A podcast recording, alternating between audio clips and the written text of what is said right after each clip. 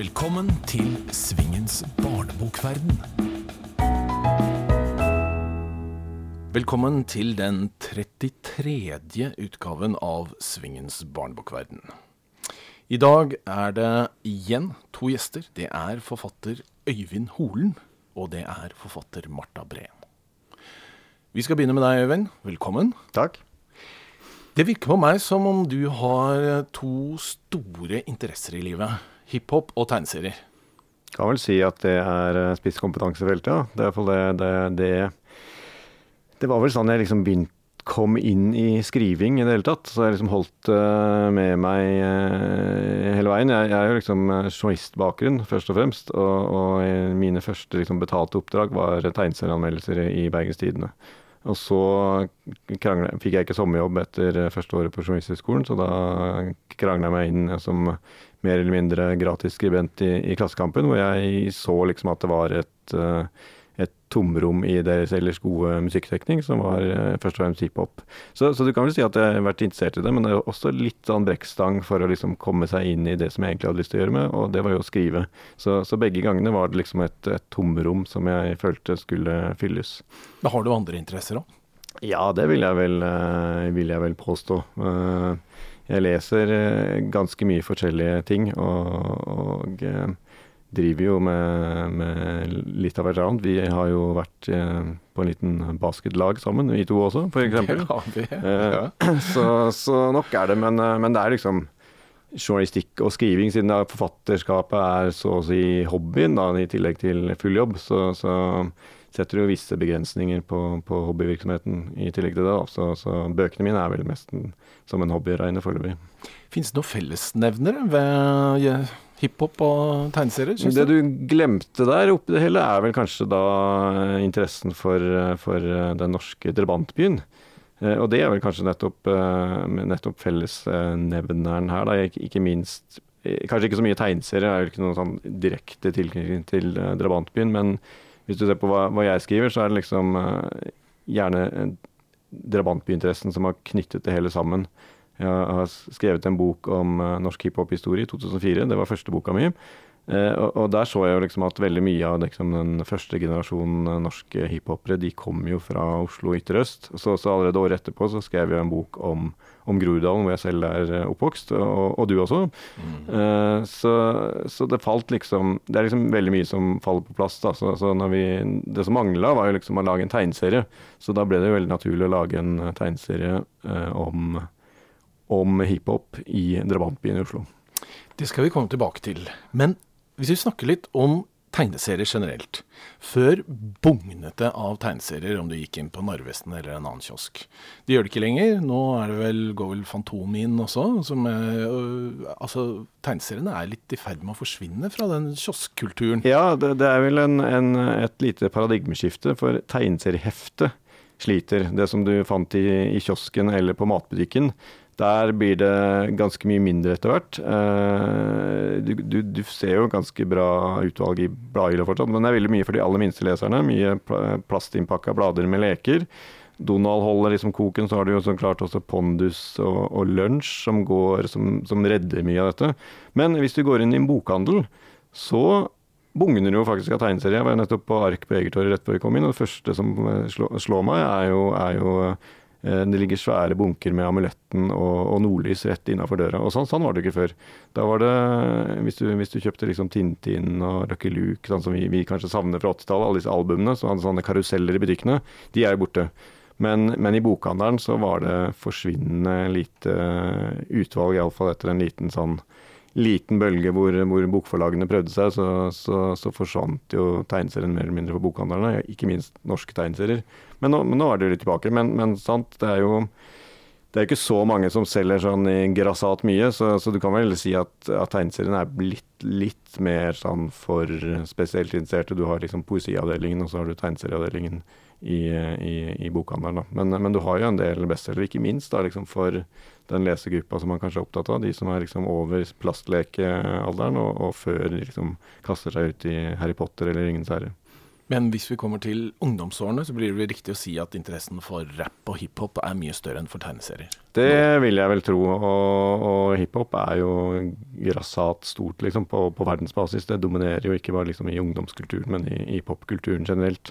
Uh, vi er liksom Her i Norge så er det liksom den, den første generasjonen begynner å nærme seg 50. Og det er litt som punken uh, ti år før. At, at man var man hiphoper i tenårene, så er det veldig mange som har holdt på interessen. Kom det kanskje ikke er like synlig, så, så har den liksom lagt et sånn lite livssyn og fellessyn på det. Så, så, eh, så, er det da heller mer sånn interne generasjonsforskjeller. da, At liksom de eldre hiphoperne liker ikke hva de, den yngre generasjonen holder på med og sånt. Men, men hvis du ser liksom på på Spotify-lister nå, så ser du at liksom de aller største artistene i verden er, er jo da rappartister, enten fra USA eller til og med fra Latin-Amerika. Så, så, hiphop er jo blitt en sånn global, verdensomspennende popkultur som ikke ser ut til å ha noen grenser i forhold til hvor stort det blir. Vi skal snakke litt om dine bøker. Eh, jeg syns vi skal begynne med 'Drabant', som er da en trilogi. Mm. Volum tre kom i 2018, og det er en uh, tegneserie hvor du har samarbeidet med Mikael Noguchi. Mm. Kan du fortelle litt om hvordan dette kom i gang, og ja. hvordan dere har jobbet? Der har vi nok et uh, referansepunkt med, med, programlederen her. For, for Michaels bokdebut var jo i, i, samarbeid med deg, var det ikke det? Hva, når, når kom den? Godt spørsmål. Um, Gitt ut så mange bøker ja, at han ikke husker det. ja, det er, det er, noen år siden. Men. Mikael var iallfall da kom inn i bokverdenen. Han er jo han er gammel graffitimaler, men jo, eh, fikk lønna si fra, fra spilldesign. Så fikk han en tå inn i bokverdenen på takket være, være din bok. Eh, og, og, så hadde det seg slik at eh, dette var jo på god gamle Dam. Eh, Steffen Sørum, som var redaktør der, hadde en idé om å lage en faktabok for ungdom om hiphop. Som, som vel, han hadde jo sett da min bok om norsk hiphop, men han ville ha en bok om internasjonal hiphop. Og, og kobla meg med da en illustratør han hadde gående på, på, på, gress, siden han ikke hadde fått så mange andre Det hadde ikke kommet noen flere bøker der. Da. Så vi, vi lagde en faktabok om hiphop i 2009. Eh, og, og, og, da tok vi litt sånn der eh, Kanskje litt sånn forslitt grep, men en sånn der eh, læremester som be, be, tar tak og, og, viser leseren veien gjennom dette. Litt sånn Sofies verden-grep. Eh, og, den rammesekvensen var en, en tegneserie. Det viste seg at begge to hadde interesse for tegneserier, og ingen hadde laget tegneserier, ikke Mikael heller. Så det var liksom vår første lille sånn smakebit, et par sider der. Så begynte vi liksom å tenke at Bør vi ikke lage en eh, Jeg hadde, jeg hadde liksom to ting jeg hadde lyst til å lage. Jeg hadde lyst til å lage en tegneserie, og så hadde jeg lyst til å lage noe om graffiti. For når jeg hadde skrevet uh, hiphop-hode-boka, så, så, ble det ikke så mye graffiti der. For det, den store norske graffitibibelen, 'Gategallerier', på 550 sider, den kom året før. Så, så følte at temaet kanskje var litt uttømt akkurat da. Men, men det var, følte allikevel at det var veldig mye igjen å fortelle, da. Så, så vi, vi venter liksom med at, at det vi hadde lyst til å lage, var en tegneserie fra drabantby, med, med hvor kanskje graffiti skulle være det bærende elementet. da. Eh, det begynte egentlig Vi, vi, vi, vi hadde liksom bare ideen. altså Det som, det som fikk oss liksom å få ut fingeren, var at uh, denne debutantantologien til Cappelen, 'Signaler', de hadde en annonse hvor de etterlyste liksom, uh, noveller, poesi og tegneserier, sto det. Så, så, da fikk vi ut fingeren og sendte inn liksom en, en skisse til til, eh, til, en historie på ni sider. Som var litt annerledes enn Drabant, men samtidig litt ganske lik, egentlig. Det var liksom de første famlende skrittene.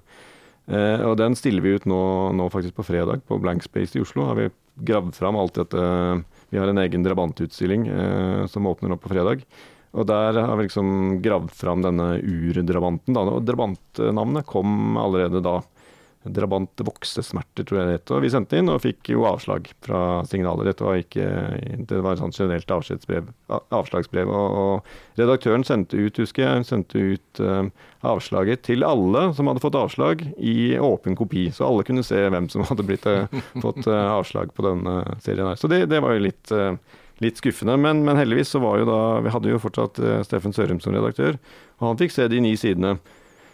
Og han var jo litt mer positiv, kan du si, så han, han ville gjerne ha en, eh, en, eh, et, en, egen tegneseriebok. Han ville ikke bare ha en tegneseriebok, han ville ha en serie. For det er det som gjelder i ungdomsverden hvor han jobber. Så, så han så, så, for seg en serie på kanskje seks album.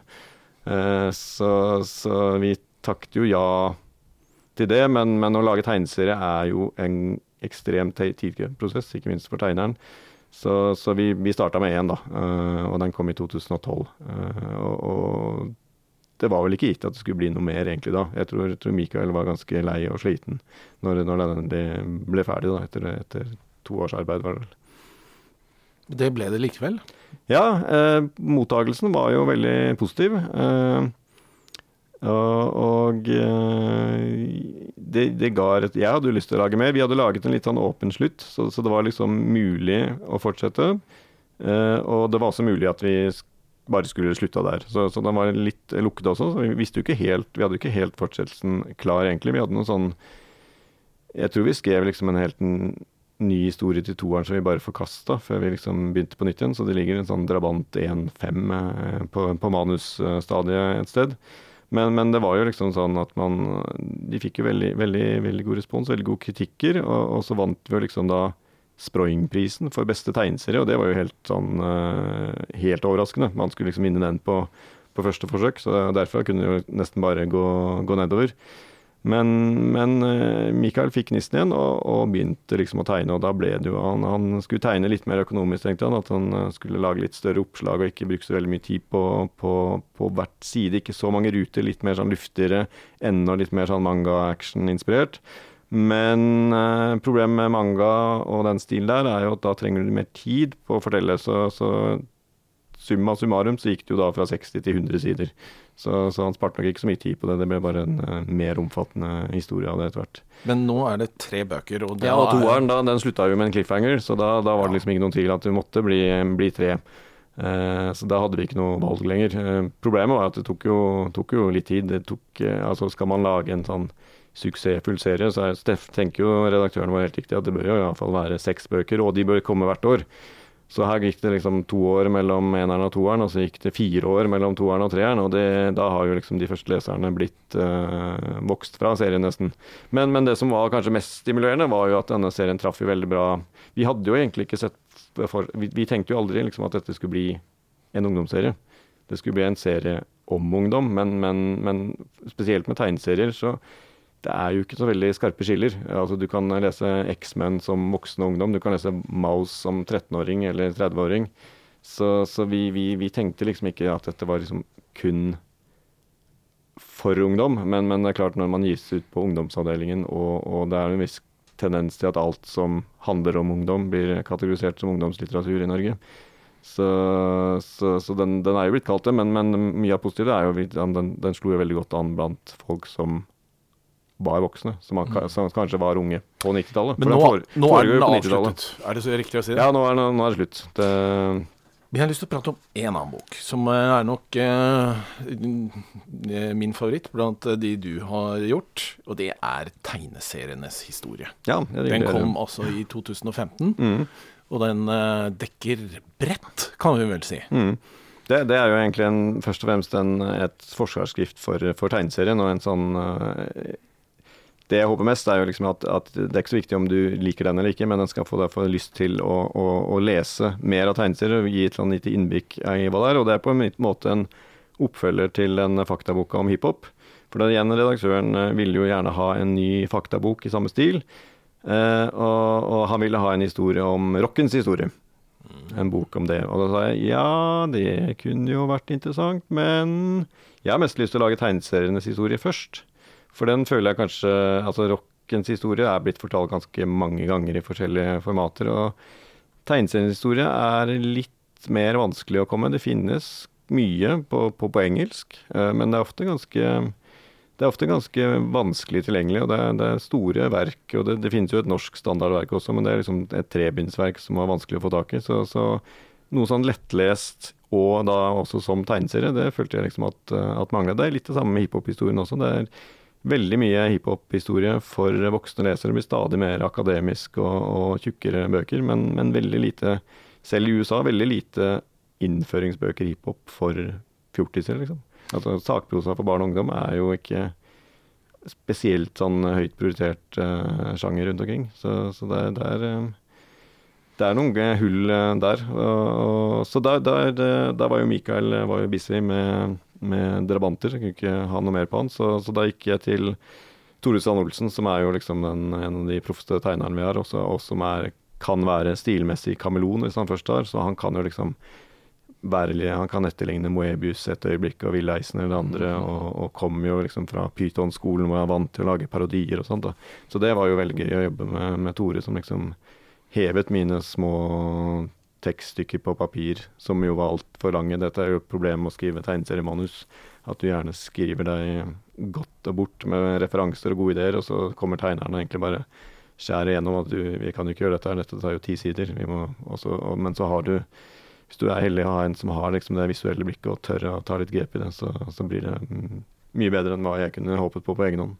Men med din uh, tegneserieoversikt, hvordan er situasjonen for uh, norske tegneserier i 2019? Mitt inntrykk er at det kommer ut relativt bra med tegneserier for tiden. Ja, det, det, er eh, Det står Jeg vil si at det står uh, kanskje bedre til enn en noensinne. Det er jo det at uh, liksom det sto, altså, Tegneserier som den store masseunderholdningen for, for, barn og ungdom er nok litt på vikende front. Så det er jo en del Det er jo mer enn en, en, en, del av barnebokverdenen egentlig etter hvert. Men, men dere skal huske når Bladbølgen og, og, de store forlagene bøtta inn penger på Billy og Donald og sånn, så var det ikke mye som ble satsa på norske tegneserier. Og de norske tegneseriene måtte klare seg økonomisk på, på lik eh, linje med, med, de billige oversatte. Så, så du hadde noen gulleksempler med Norsk Mad og, og, og, Python eh, og et par andre suksesser. Men ellers så var liksom da norsk tegneserie litt mer sånn avantgarde, undergrunn-greie. Og nå, nå, det som er nytt nå, er at du har veldig mange fine, gode tegneserier for, for barn og ungdom, f.eks., som er norske. Som, som, var vel et, eh, et stort gap før. Men i tillegg så har de liksom klart å holde på, på en, en, ganske variert og fin uh, verden av serier for voksne. Men, men, uh, men, igjen, det er ikke det er ikke, jeg ser ikke liksom de samme aldersgrensene. Jeg kan liksom lese Nordlys og Steffen Kverneland og glede meg over begge to, liksom. Så, så, så, det, så, det, er jo liksom en, eh, en, en, en ganske brei og, og, fin verden. Men, men, vi mangler jo kanskje da de virkelig store lokomotivene, de som liksom har solgt uh, over 50 000 bøker. da, Der, der er det liksom pondus som, som regjerer fortsatt. Så, så det er vel ingen som liksom har kommentert opp på det nivået ennå. Men, men, hvis du ser liksom på moderne tegneseriebøker, så, så, er det, så kommer de, de som har solgt over 10 000-15 000, de har kommet de siste årene. liksom. Jeg har jo vært på eh, bokfestival og messer i Frankrike hvor det er altså milelange køer foran mm. tegneserieskaperne. Mm. Og forfatterne som skriver vanlige bøker, har kanskje en liten liten eh, rekke av folk, men eh, de blir virkelig dyrket eh, på en helt annen måte i Mellom-Europa. Ja, Frankrike og Italia og sånn er jo litt sånn Twilight Zone å, å reise på. Jeg har vært i Anjouem selv, i tegneseriefestivalen i Frankrike, og da er det liksom store utstillinger på Det, det ville vært stor utstilling på Astrup Fearnley-museet og, og tegneseriestoff i alle avisene og sånt. Mens her i Norge så er, er tegneserien litt sånn stemoderlig behandla fortsatt. At du liksom ikke du blir ikke tatt inn helt i varmen verken av barnebokforfattere eller, eller litteraturfestivaler eller eller, eller det, det, det, Du er liksom ikke, ikke Du, du ramler, føler iblant at man ramler litt mellom, uh, mellom stolene. Og bokhandlerne er jo litt opp og ned også. Noen har gode tegneserieavdelinger, noen har det ikke. Mens uh, men, men, det er liksom ikke er, det er, ikke alle som vet helt hva de skal gjøre med, med, med formen ennå, tror jeg. Det er litt, sånn, litt av nytt for bokbransjen, det, rett og slett. Hvis det er eh, nye, kommende tegneserieskapere som eh, lytter på dette, og du sier vi mangler lokomotivene, men er det noen sjangre, er det noen tydelige hull der eh, kanskje man burde tenke at her finnes det muligheter i det norske tegneseriemiljøet? Jeg, tror, jo, tror, jo, det er Det bør være en, en de som virkelig, det, det, som er vanskelig, er liksom at å holde produktiviteten og holde det tempoet, sånn som vi ikke klarte med Drabant. At du gir ut en bok i året. Du må liksom inn, inn på det der ungdomsbokmarkedet, der hvor du har Gutta i trehuset, Amuletten, du har Barnevaktklubben. De er jo veldig populære og veldig, veldig gode, veldig proffe ting, liksom. Og, og, og på det noen som kan liksom holde den produktiviteten oppe, det, det er nok eh, tøft. Og, og, ikke minst for det liksom det, det er, Hele bokbransjen er litt sånn forvirra. Skal tegneseriene skal de stå med barnebøkene, eller skal de stå på tegneserieavdelingen? Så lokomotivene i tegneseriebransjen i Norge står jo blant barnebøkene. Amuletten eh, hjelper ikke opp eh, tegneserieavdelingen. For det, det, er, det, er som, det, er, som, en barnebokserie. Det er der det går. Men eh, det er jo der, det er der jeg tror kanskje det er rom for eh, mer, hvis man virkelig vil satse på noe. Vi ser jo hvor bra det har gått med Nordlys f.eks. Og hun, hun, ser ut som hun skal holde ja, Hun kommer jo med julehefte innimellom. Så, så en sånn eh, en sånn bokserie for barn og ungdom tror jeg kanskje er det, det som trengs. For det, det, er vanskelig å lage Det er vanskelig å nå ut med, med tegneserier for litt mer voksen publikum. Der er liksom ikke helt uh, helt Du, du blir ikke helt uh, tatt helt på alvor. Det er ganske vanskelig å bli, bli kjøpt inn av kjeden, og det er liksom ikke den samme interessen for det. Så det er, det er litt mer sånn utakknemlig oppdrag å, å, å prøve seg på, tror jeg. Det, da, da, jobber man lenge i et år på, på mesterverket sitt, og så, så, så, opplever du at du kanskje ikke blir kjøpt inn av en eneste bokhandel. Mm. Øyvind, du er eh, til daglig journalist i Dagens Næringsliv, i D2, som mm. er det bilaget. Og du er eh, svært aktiv, virker det som, på sosiale medier. Uh, men er, er, dette en uh, kombinasjon du kommer til å fortsette med? Full jobb, skrive bøker på fritida, nærmest? Ja, jeg blir vel litt som eh, Tom Egeland, som jobba i TV 2 og skrev krimbøker. Det tok ganske, Han, han safa det ganske lenge før han stupte ut i det og ble fulltidsforfatter. Så, så, jeg har jo fortsatt ikke i nærheten av liksom hatt en uh, bestselger, liksom. Uh, så, så, til noen uh, kjøper drabantopsjonen for å lage film, så, så, tror jeg jeg må sitte rolig i skuta sånn sett. For det er jo Det er jeg føler også at nå, nå har jeg liksom rundet jeg er ferdig med Drabant. Jeg har laget uh, hiphop-historie bind to. Så, jeg er litt sånn i tenkeboksen. Hva, hva, blir liksom det neste? Hvor skal man gå videre? Hva skal man uh, satse på her? Så det er vel 50-årskrisa som uh, nærmer seg, tenker jeg. Vi skal straks komme tilbake til litt mer skal vi si, hjemmebane, men først så har jeg jo da bedt deg om en liten forfatteranekdote. Og vi er jo fortellere, så har du noe å bidra med? Ja, jeg har jo vært uh, en del, ikke, ikke, så mye som fulltidsforfatter, men iblant så tar jeg meg perm fra jobben og, og drar på skolesektorturné, eller sier ja til et biblioteksarrangement eller sånne ting. Og det, det, det, det, som ofte er morsomst, er egentlig kan være morsomst, og som er slitsomt, er jo å treffe liksom, ungdomsskoleelever i, på skolen. Gjerne litt motvillig Og, og, Ofte er jo de som, for eksempel Hvis jeg snakker om hiphop, så er de som er mest interessert i hiphop, er de som da er like minst å få bli belært av hiphop av en halvgammal gubbe. Men, men, man opplever jo ofte liksom at man, man, man, treffer folk også. Da, når, men, men eh, kanskje en av de husker aller best, var en, eh, en 8.-9.-klassing på Haukto skole i Oslo. Eh, som etter at jeg har du finner, du finner, Denne typen finnes på alle skoler. Det er Tupac-gutten. Han som er skolesak, ikke interessert i så mye annet enn hiphop, og hiphop ikke så mye annet enn interessert i Tupac. Så han, jeg hadde vært innom Tupac, og han kom og ville prate. Han ville prate mer om Tupac. Han hadde Tupac, bare Tupac på telefonen sin. Kjempeinteressert. Og jeg har skrevet en, en D2-sak om Tupac, og jeg har, har bloggposter, så jeg vil liksom dele litt av informasjonen og kanskje til og med sende han artikkelen. Fikk mailadressen hans. Og han var jo da ekstremt uh, engasjert og interessert, og det er jo det de man man skriver for. da. Man hører jo også om eh, skolebibliotekarer som forteller at Drabant er gjerne den boka de gir til han gutten som har gitt opp å lese nesten. Altså, han, orker ikke, men, men, prøv denne, da, og så, og så, går det iblant bra. Men etter dette så kom jo læreren, eh, læreren bort da, eh, etter timen hans da liksom ble holdt igjen av denne eleven. og så jeg, må bare beklage, sier læreren. Be beklager. Jo, jo han, han, er, han er, alltid trøbbel. Han lager bare bråk, liksom. Det er bare Kalman. Han er sånn mot alle. Ja, men han var jo interessert. Å ja, han, ok, ja. Vi har bare gått ut fra at han lagde bråk, og de skulle liksom krangle eller sånn.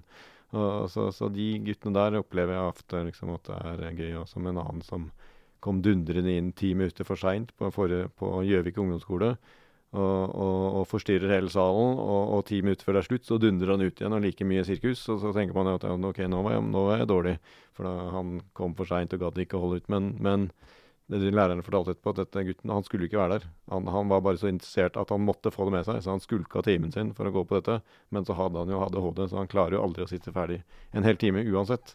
Men, men eh, når man det, det, er liksom sånn som Så jeg føler at de er jo de eh, jeg syns er gøyest å, å, skrive for, da. Og de er jo kanskje også da de som er vanskeligst å, å nå, for de går jo ikke i bokhandelen. Og det, da er du liksom avhengig av skolebibliotekaren eller noen som vet det. Og, og det er jo liksom da Hvis man har folk som ikke er interessert i å lese, så finner du alltid noe Det er derfor sakprosa for barn og ungdom er så viktig. For det, du, du, elevene, selv hvor svake de er, så er det alltid et eller annet de er interessert i. Og du kan finne lettleste bøker om det de er interessert i. Det er kanskje det aller viktigste man må sørge for å ha der ute. Da skal vi uh, rett og slett snakke litt mer om hjemmebane. For vi skal rett og slett få inn uh, Marta Breen. Hun kommer og setter seg her. Hei, hei. Hei, velkommen. Takk. Og når jeg sier hjemmebane, så er det jo fordi dere to er jo da et forfatterpar, rett og slett. Ja. Det er dere. Dere er gift? Ja, vi er gift. Ja. Og vi er forfattere. Og det er jo Det er ikke så mange av de i Norge. Nei, det er kanskje ikke det. Nei, dere har ikke regnet på det. Men er det sånn at dere diskuterer eh, prosjektene, og det går mye i bokprat hjemme? Ja, jeg vil si det. Eh, jeg prater i hvert fall veldig mye om mine prosjekter. Ja, Martha har slutta å lese mine bøker, men, uh, for det har hun ikke tid til. Hun er så produktiv. Men, men jeg er nok litt sånn uh, med, medredaktør, kan du vel si. på, på det, vil si at det, jeg, jeg, har ikke lest hennes 'Kvinnekamp'. Den har jeg fortsatt ikke lest. Der gikk det litt for fort i sengene til at jeg rakk å verken kontrollere eller å få lest den i ettertid. Du har lov til å gjøre det, kanskje? Så den ligger på hvis og hvis DN ringer. Nok, de ringer jo aldri sine egne, men hvis de hadde ringt, så kunne jeg sagt at 'Kvinnekamp' ligger klar på nattbordet. Jeg skal bare lese ferdig ti bind med X-Men først. Men er det sånn da, at man driver hverandre litt fram, rett og slett? Fordi man driver med det samme? Ja, jeg, jeg vil si det. Jeg, jeg, har, jeg bruker Øyvind aktivt han, han, har så mye deskerfaring. Han har jobba veldig mye med andres tekster sånn sett. og eh, så jeg, brukt, jeg, bruker han aktivt, har gjort det alltid, egentlig, Hele, også når jeg jobba som journalist. og hvis det var liksom en artikler som betydde litt for meg, så pleide jeg å sende dem til han først. Vi har jo en annen ting som som vi prater en del om, er jo på en måte frustrasjon over eh, forlagsredaktører og over forlagene. Hvor, og eh, sant, når man har gitt ut ganske mange bøker, så ser man jo hvor det svikter i store maskinerier. Og mm, jeg mener jo at eh, at jeg stort sett ja, får vel så god hjelp hjemmefra. fordi da har du noen som faktisk engasjerer seg virkelig i ditt prosjekt, da, enn en man kan oppleve i forlagssammenheng. Ja, så har vi en ganske felles interesse for, for tegneserier, og, og, også da kanskje for uh, sakprosa for, for, barn og ungdom. Så, så, jeg tror vel noe av det første og musikk, Martha sa til meg Ja, der er vi litt mer, eh, litt mer Vi er ikke helt, på, helt på linje der, kanskje. Vi er nok mer på linje når det gjelder tegneserier. Mm. Men, men vi har jo og musikkinteressen der er liksom barna kuppet. Uh, det, ja, de, det vi får liksom, ikke lov til å høre på noe hvis uh, det er veldig lite som hele familien kan høre på. Vi, vi har tre etasjer, da, rekkehus. Uh, og jeg har kontoret mitt oppe, og da går det ofte i den musikken jeg liker, som er sånn Telemark, Vinje og, og, Hallingdal. Der, uh, det liker jeg. mens Øyvind da hører på hiphop i kjellerstua. Og så i første etasje så er det stort sett bare litt sånn forsiktig jazz. For det er sånn som ingen protesterer på, liksom, ingen, og ungene tåler det òg. Og ingen liker så godt, egentlig. Nei. Så det er eh, litt, eh, går i etasjer der. Men, eh, men, tegneserier, ja. Jeg var opptatt av tegneserier før jeg traff Øyvind òg. Syns jeg hadde veldig mange, da, inntil jeg møtte Øyvind. Eh, det var da, litt sånn bli, hjem og, bli, med hjem og se på tegneseriesamlinga. ja, og det funka, ja. ja. Jeg skrøt liksom se så mye jeg har. Jeg hadde liksom en meter med tegneserier, og han bare ja, mm.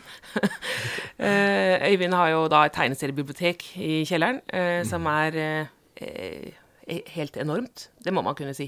Eh, det er en, vel, Hva er det du har, da? Alt som er gitt ut i Nei, men Jeg var, jeg var tegneserieanmelder i Bergens Tidende fra 1990 til 2007, så, så litt er det jo blitt. Uh, tvert, jeg prøver jo å rydde litt i hyllene og sånn, men, men det er noe det er blitt noe. Jeg har lest, lest Men gikk da dine tegneserier inn i det biblioteket ja. hvis det var noen mangler? Det var, eh, det var ikke mange. Det var eh, mest overlapp der. Men, eh, men, det som var tingen Jeg har jo på en måte Det er jo veldig mye av dette som ikke interesserer meg. Jeg er ikke interessert i sånn superheltserier eller action eller fly, flammer og sverd og spisse ører og Det er mye som ikke interesserer, men jeg liker realistisk, vanlig historiefortelling, eh, tegneserieromaner og sakprosaserier. Og så har jeg jo da vært så heldig måte at han har håndplukka i dette her og funnet ut ting han tror jeg liker. Altså, så derfor har jeg lest ganske mye opp igjennom og hatt en eh, drøm og ønske om å gjøre det sjøl, da. Om å lage noe sjøl. Jeg lurer på en ting, Får ungene lov å gå ned i biblioteket og bare trekke ut et eller annet de har lyst til å lese? ja, men de er sånn- ikke så, så veldig interesserte sånn sett. Men, eh, men, de begynner å komme litt sånn på De finner sine egne ting, liksom. Så, så Barnevaktklubben og, og, Nordlys igjen har slått an, f.eks. Men eh, fortsatt ikke liksom klart å overbevise noe annet. Litt, litt Donald. Donald er greit, liksom, men ikke klart liksom noe Asterix eller eller Tintin eller Nei, det, det, jeg merker, merker, det litt fra meg sjæl også. En, faren min var jo litteraturjournalist, så vi fikk jo liksom alt som fantes av norske samtidsromaner inne i huset. Men jeg var fullstendig uinteressert, og jeg gikk jo da for, for å finne min egen tegneserie. Så jeg ser det samme på eldstedattera nå. Hun skal finne sine egne ting, liksom. Så, så hun, hun, gir meg bestillinger fra ting hun vil ha på biblioteket, som jeg ikke har hørt om. Men har du lagt de eh, mest verdifulle mm, tegnestedene i syrefrie plastposer? Og... Jeg har det i noe, i, i noen plastposer, men jeg er ikke så veldig opptatt av liksom, at det skal holde seg. Det er mer for å For jeg har sett at du har nemlig en side med tegneserier til salgs. Ja. Mm. Så du uh, tynner litt, litt ut? i samlingen. Det, det, det, det, er litt hardt. Det er en sånn Facebook-side hvor du kan eh, både få kjøpt og solgt det meste. Og nesten alt du legger ut, blir, blir solgt. Men problemet med å vanke der inne er at du plutselig ser det som er til salgs også. Så det er litt risky business å, å begynne med det der. For det, plutselig har du kjøpt noen ting som Jeg fikk jo endelig tak i Christopher Nilsens jazzball Nei, uh, den uh, Fettsugers bekjennelser, som jeg har vært et hull i samlinga lenge. Den uh, fant jeg der. Altså, så det er jo men eh, vi, vi, da får man jo også da virkelig samler folket på døra. Så da har vi sånne folk som bare kan hente når kona er bortreist, f.eks. For fordi de, de, er, de, er, veldig drevne med å smugle ting inn i, i leiligheten og husene sine uten at kona legger merke til. Og det er, det er, det er mest menn som kjøper. Ja. Dyre eh, tegneserier som de da har kjøpt? Uh, Nei, det er ikke dyre. De er bare, det, dette er liksom det blir bare kompletister. De vil ha mye. De, de, det er de det som kona er misfornøyd med? Ja, ja. Det, er ikke at det er penger, det er, det er plassen. Det er plassen. Men du er ikke misfornøyd? Jo, altså for så vidt. Jeg, jeg, pusher jo på dette med at vi må tynne ut og selge, og jeg blir veldig glad for eh, når det blir solgt. og de ringer jo på, sånne, som man sier, noen sånne snåle karer som har kjørt langt i bil. Og eh, vær så god, jeg er alltid veldig glad, så får vi noen eh, penger, da. Eh, men, eh, men eh, ikke like glad når han kommer liksom, med Carl Barks samlede på 15 meter og sånn. da. Jeg har altså bedt dere om et spørsmål til hverandre. Og da håper jeg jo selvfølgelig at dere ikke har avslørt hva de spørsmålene blir under frokosten i morges. Skal vi begynne med deg, Marte? Uh, ja, jeg lurer på Altså, vi, vi har jo snakka sammen, sammen uh, tidligere om uh, Det er lenge siden, da. Men om vi på en måte skulle lage noe sammen. og så har vi vel også kommet så langt at vi satt og noterte litt ideer og sånn. Og så har det på en måte bare sklidd ut. Og så lurer jeg på egentlig, for jeg tror at grunnen til at vi liksom ikke vi snakker om det lenger, er at vi kanskje skjønner Det er det som er egentlig spørsmålet til deg, da. Om, du, om vi skjønner at dette egentlig ikke kommer til å gå. At vi ikke kommer til å klare at jeg, tenker, jeg, er liksom redd for at det kanskje forholdet går i stykker, da, hvis vi skal jobbe sammen. For jeg syns egentlig det Det er jo ikke lett å få f.eks. kritikk Eh, selv om jeg ber han om å lese gjennom mine ting, så blir jeg jo litt følsom når han ikke liker ting. Eh, og at jeg tenker at det er, Har du noen tanker om det? Er det derfor vi har slutta å snakke om det? Og jeg tror heller det er eh, det, det, har jo liksom tatt av på boksiden. Du lager jo to, to, bøker i året. og Jeg ga også ut to bøker i fjor. Så da i tillegg, Og så har man liksom hatt sine samarbeidspartnere, som vi har Mikael og, og Jenny, som er liksom de man jobber som, som tegnere. Så hvis man skulle skrevet noe sammen, så eh, vil man også kanskje skrevet en hatt lyst til å skrive en tegneserie også, da. Men da, liksom, da blir det tre stykker. Om det. Men, eh, men eh, jeg er som sagt eh, på utkikk etter nye oppdrag nå, så hvis du har noen gode ideer, så er det bare å komme med dem. Men tror du vi hadde, klart, tror du vi hadde klart det uh, uten å bli uvenner? Jeg er iallfall veldig lite yrkesstolthet på og tåler kritikk. Og, og, og jeg har liksom en mer sånn arbeidsinnstilling til ting. Altså, hvis det er noen som sier at det ikke fungerer, ja greit, da forandrer vi på det. Liksom. Jeg har veldig lite sånn jeg kan kill darlings eh, hele tida, stort sett. Men, eh, men, men jeg får men jeg får jo kanskje ikke så mye motstand heller, da. Det er jo det. At det, det, det er lett å si det. Det er lett å si det. Det er lett å si at det er sånn, for det er kanskje ingen som sier det. Jeg får liksom bare veldig små tilbakemeldinger. Det, ja, redaktører er rett og slett litt sånn lette på, lette på, labben. Altså, det, det, er egentlig det vi mener begge to. At uh, de bare sier uh, Og det kan være fordi det er travelt og mye på Men det er liksom sånn Det kan jo hende at jeg er, utro, er, utrolig flink også, men, ja, det, men, men det, er liksom veldig sånn Oi, så flott, de er bare veldig glad for at du leverte, og så bare prøver de å dytte det videre i systemet med en gang. Og så tror man egentlig at nå skal man Før så var det sånn spennende å trykke på og send til redaktøren, så tenker du shit, liksom, tenk om ja, vedkommende hater det eller gir masse, vil endre alt og sånn. Men det har jeg nesten slutta å håpe på, for det, det skjer jo aldri. De sier de, de bare sier vi sender det til trykk. Så kanskje vi hadde trengt hverandre. Ja. Selv om forholdet hadde gått i oppløsning, men, men vi hadde iallfall fått litt motstand. Skal vi ta ditt uh, spørsmål, Øyvind, til Martha? Ja, det er veldig lite bransjerelatert, men uh, jeg vil spørre Martha om hvilket uh, Hun ser mye på TV. Så hvilket reality-TV ville du sagt ja til?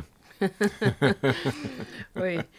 ja, nei, jeg må nesten Du kan jo si hvem du har sagt nei til først. jeg, må, jeg, sa nei til Farmen kjendis.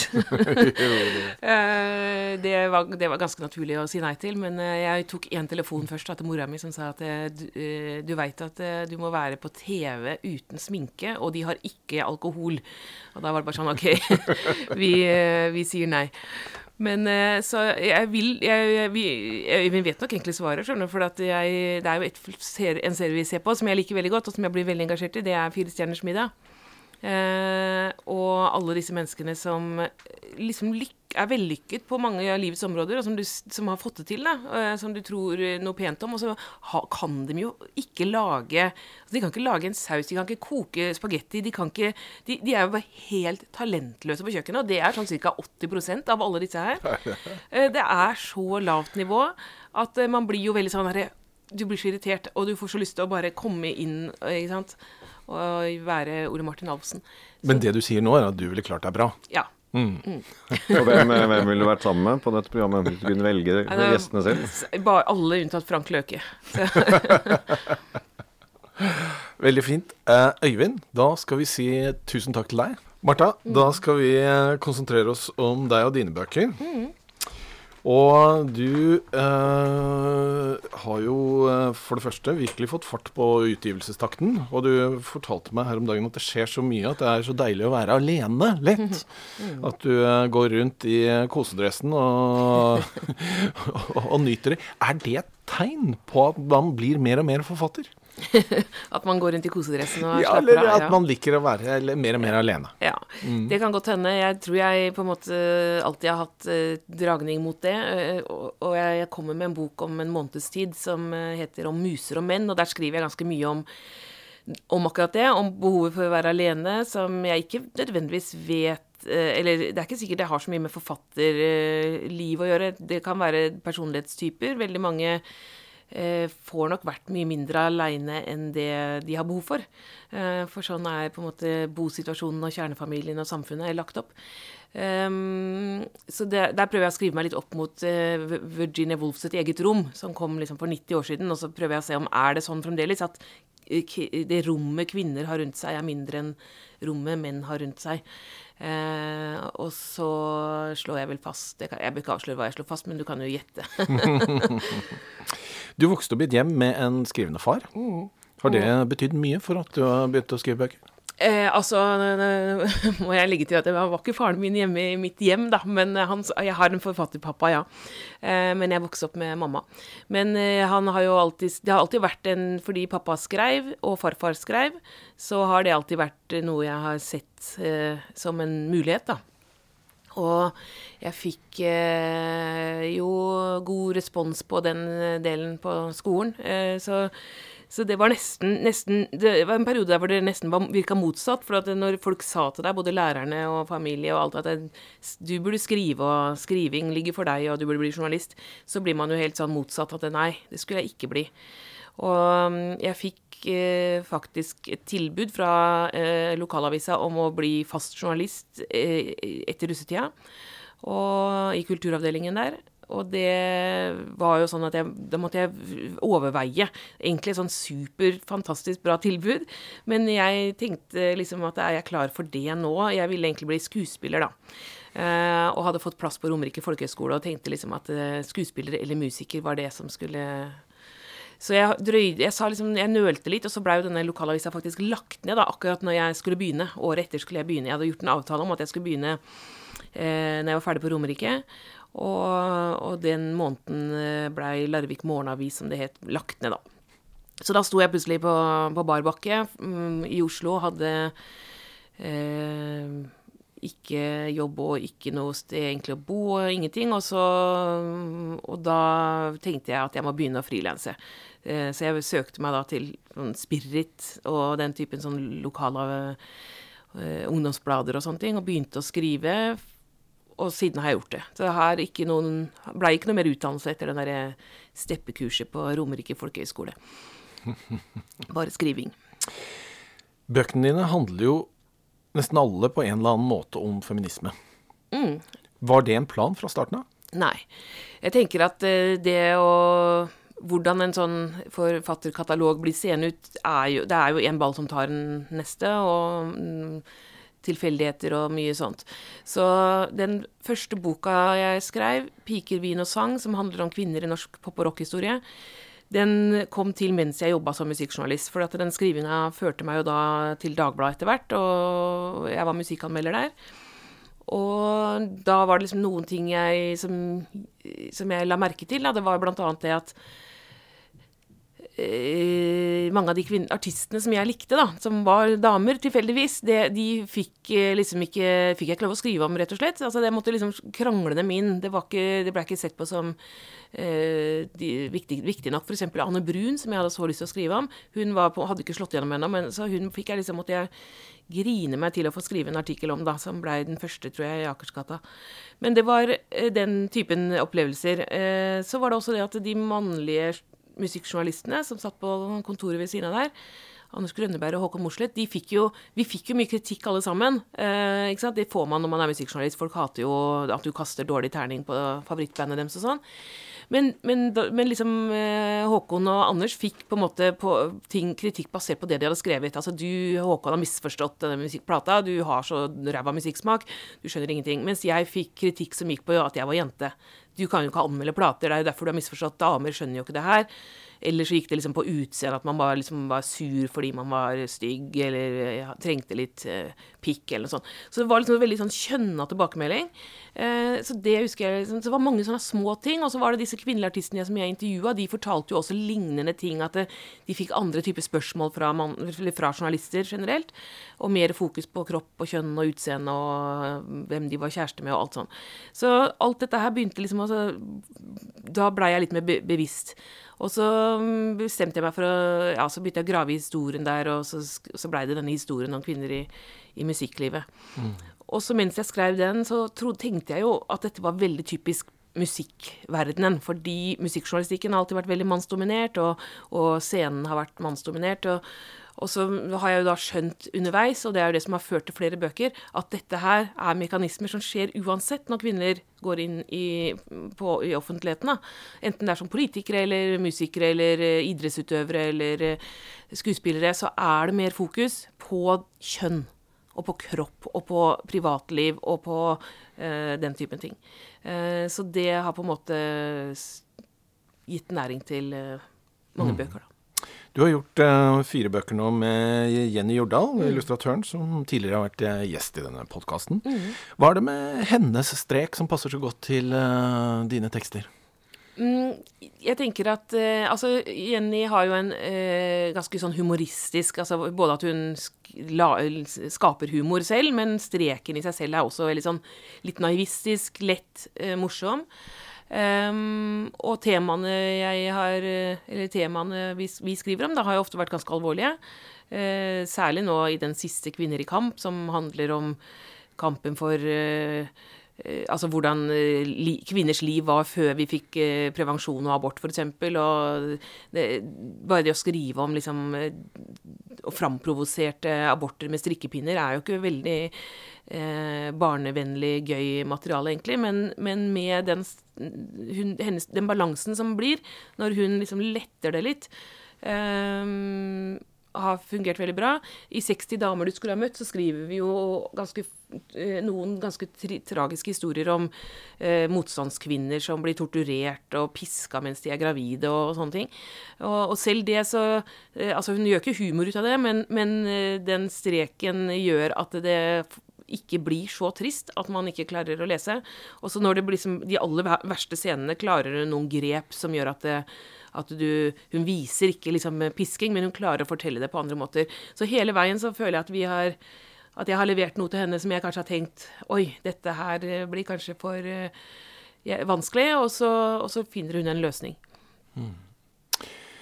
Vi må snakke litt om, mer om eh, Kvinner i kamp. Mm. Den kom altså i 2018. Mm. Og den har blitt oversatt til ganske mange språk. Ja, den er solgt til 21 land nå. Mm. Så, som er jo mye, så det er jo helt åpenbart at dette er et tema som det har vært mangelvare på, altså ikke har vært bøker for eh, barn og ungdom uh, omkring mm. Eh, i veldig mange land. Mm. Um, hvordan har mottagelsen vært til nå uh, i Norge kontra utlandet?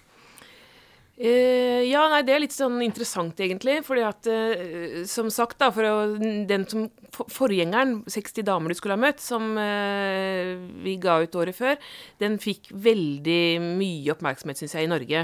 Det var jo da på en måte seks, historier om damer som ikke folk Altså, det var mye nytt for nordmenn i den boka, tror jeg. og den solgte jo også 15 000 og sånn. Men Kvinner i kamp Uh, fikk lite oppmerksomhet i Norge. Dette er jo da eh, histori en historie som kanskje er mer kjent for nordmenn. I, I, hvert fall så liker man kanskje å tro at man kan liksom, historien om feminismen. Eh, det er jo om liksom, hvordan vi har fått stemmerett, og som nevnt dette med prevensjon og abort og sånn, og også helt opp til Malala og ting som skjer i Midtøsten. Um, det, det, er, det blir sett på som en sånn en historie vi på en måte, vi er alle enige om at dette er en viktig historie. og man er liksom, Den er ikke no, har ikke den kontroversen i seg i Norge som den da har vist seg å ha i andre land. Eh, så, så, den, Og pluss at den også er gitt ut på barne- og ungdomsavdeling. Eh, det er dessverre sånn at eh, det er, da, da, er det veldig mange innenfor media som ikke synes at det blir, er så interessant. Så um, i motsetning til 60 damer, som jeg mener at de er helt likt i nivå. Det er ikke sånn at den ene er en voksenbok, den andre er en barne- og ungdomsbok. Jeg mener at begge er veldig sånn for, er allment interessante. og og eh, kan passere både for, eh, for alle aldersgrupper. Men, men, eh, siden den hadde dette stempelet barn og ungdom, så tror jeg nok det bidro til at den fikk mindre oppmerksomhet i Norge. Kommer den ut som barn- og ungdomsbok i alle andre land? Det er litt forskjellig. En del forlag Altså i en del land så er det barne- og ungdomsavdelinger som har kjøpt den, og i andre land ikke er det ikke det. Og, så har vi også da, sånn som i Russland, at eh, den rett og slett har fått 18-årsgrense. Mm. Uh, den er jo da Den uh, blir pla plasta inn. Og nå så jeg coveret nylig, som de har lagd. Det er jo da uh, I de andre landene så er det blått eller rødt cover, eller omslag. Men her er det rosa.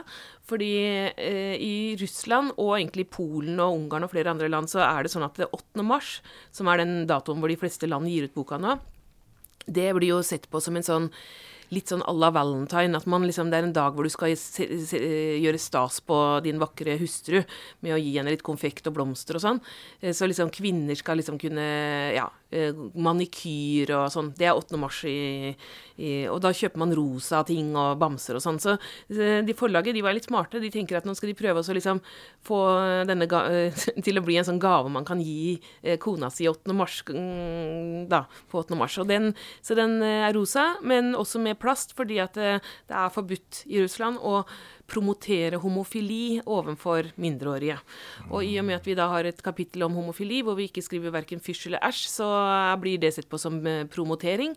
Eh, så den har da 18-årsgrense. Hmm. Men blir det riktig å si at de um, tidligere prosjektene dine har kanskje hatt typisk Norge som nedslagsfelt, og denne gangen valgte du å tenke rett og slett litt mer internasjonalt? Ja. Mm. Det var veldig kalkulert. Man, som forfatter så skal man liksom ikke være kalkulerende og sånn, da. Men det gjorde jeg. Det, det, det, den, denne ble jeg, ble skrev jeg med tanke på at at uh, hva fins internasjonalt? Jeg sjekka jo litt og så at det fins jo ganske Det er jo egentlig en bølge med sånn bøker om kvinnelige pionerer og sånn, og, eh, og også innafor tegneseriemarkedet sånn internasjonalt. Du har disse bøkene med night story, Good Night Stories for Rebel Girls og, og, ganske mye om dette her. Men det som jeg så, var at det er, var ikke skrevet noen sånn helhetlig eh, tegneserie, hvor du på en måte begynner med eh, Feminismen begynte her, liksom. Her i, for 150 år siden var det første møtet i kvinnesaksbevegelsens historie. Og så liksom ta det gradvis innafor de store de, de, Det som vi mener er de tre største temaene, da, som vi har delt inn boka i tre hovedtemaer. Eh, en sånn helhetlig framstilling fantes ikke. Mm, kan hende at jeg har gått glipp av det, men jeg har ikke sett noe. Og dermed så tenkte jeg den får jeg skrive før noen andre gjør det. Og så mm, er det jo det som har antageligvis vært nøkkelen til den. Er det sånn du ofte tenker? Har du eh, prosjekter på blokka hvor eh, du føler at her må jeg komme i gang før noen andre gjør akkurat dette? Veldig ofte så har jeg den følelsen, men det er jo også fordi man blir veldig sånn eh, inni sitt eget prosjekt. Man tror jo at alle andre holder på med det samme, det, men sånn er det jo ikke. Men noen ganger så er det jo faktisk ja, sånn. Vi ser jo at det, det snakkes om trender, mm. fordi kanskje noen tilfeldigheter gjør at to eller tre forfattere skriver om samme tema. Ja. Nei, det, jeg ser det også. Jeg har jo vært veldig engasjert i Norsk faglitterær forfatter- og oversetterforening, og var leder der i noen år. Og da jo, får man jo noen søknadsbunker, da. Sånn, det er 700 søknader to ganger i året på folk som da vil eh, ha penger til og stipend til å gi ut nye bøker. Og når du leser gjennom dette her, så ser man jo disse trendene veldig. For da ser du de, de bøkene som faktisk kommer til å komme om to-tre år. Og, så, og, og, vi har jo noen ganger under middagene liksom satt, sittet og hatt liksom sånn Hva mener du er hovedtrenden? Da, og da er det sånn jo, Nå er det veldig mange som er opptatt av eh, bier og humle, f.eks. Ikke sant? Eller eh, nå er det sko, altså det å gå inn i skogen og være aleine, eller sånn. Så du ser sånne trender. Altså, plutselig er det åtte som har lyst til å skrive en bok om å bo aleine i, i en hytte i skogen. Eh, eller eh, snekring og ved og sånn. Etter eh, hel ved så kom det mange bøker om bål og, og spikking og snekring og ja. Sånn at det, de der bølgene der, det kommer jo enten det er for litt sånn kopi av en suksess, eller altså, som du sier, at det liksom bare ligger i lufta uten at man egentlig har sett noe At det ikke har vært noen konkrete bokprosjekter, men det er mange tanker som går i samme så det har jo skjedd når det gjelder dette med kvinnehistorie, da. Og så eh, i mitt tilfelle, så, eller vårt tilfelle, så sammenfalt det jo med metoo, da. Så jeg tror at vi internasjonalt har fått hjelp av det. At det plutselig blei større interesse for feminisme generelt. Men du sier jo at det kommer inn 1400 eh, søknader på sakprosabøker som mm. da blir eh, gjennomlest, og vi ser jo at andelen sakprosabøker for barn har uh, gått ned, både salgsmessig og antallet utgivelser. Mm. Hvor stor andel av de 1400 er uh, sånn cirka, vil du si, er for uh, barn- og ungdomsprosjekter? Jeg har ikke det tallet i hodet, jeg, men, men, eh, det er en ganske lav andel. Det vet jeg. Og den har vært lav igjen eh, hele veien, og det har jo NFFO, som foreningen heter, eh, jobba for å endre, da. Blant annet for noen år siden så oppretta man egne stipender for sakprosa og unge, for å på en måte kunne reklamere sånn mer direkte da, inn til de miljøene man ville skulle søke. Så har jo også foreningen vært med å støtte denne sakprosa eh, for barn og unge-linja på, på Barnebokinstituttet. Uh, så har det vært gjort en del, og en del kurs og sånt nå. Og så, og så har det dessverre vist seg liksom at det, det liksom, ja, kan få en liten uh, oppsving, og så daler det ned igjen. Og det er jo fordi det er en ond sirkel, som du sier. ikke sant, At uh, satsingen må jo også være i forlagene, og forlagene tør ikke satse fordi bokhandlerne ikke følger opp. Og så bokhandlerne holder det altså, Så ingen satser ordentlig, og alt går liksom med tap, og så sprer og så, så, er det det som er holdningen, da. Selv om man ser at det er en del suksesser også innimellom, så blir det kanskje Så er det mest denne litt pessimistiske holdningen som regjerer i, i det miljøet, er mitt inntrykk, da.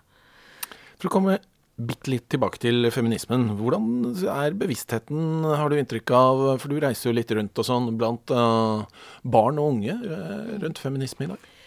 Det er, vanskelig å si sånn generelt. Eh, jeg har reist som sagt mye, og, og tenker jo noen ganger at oi, her var det jo veldig oppegående elever, og her var det en stor interesse. Så det, kommer du et annet sted hvor det er helt motsatt.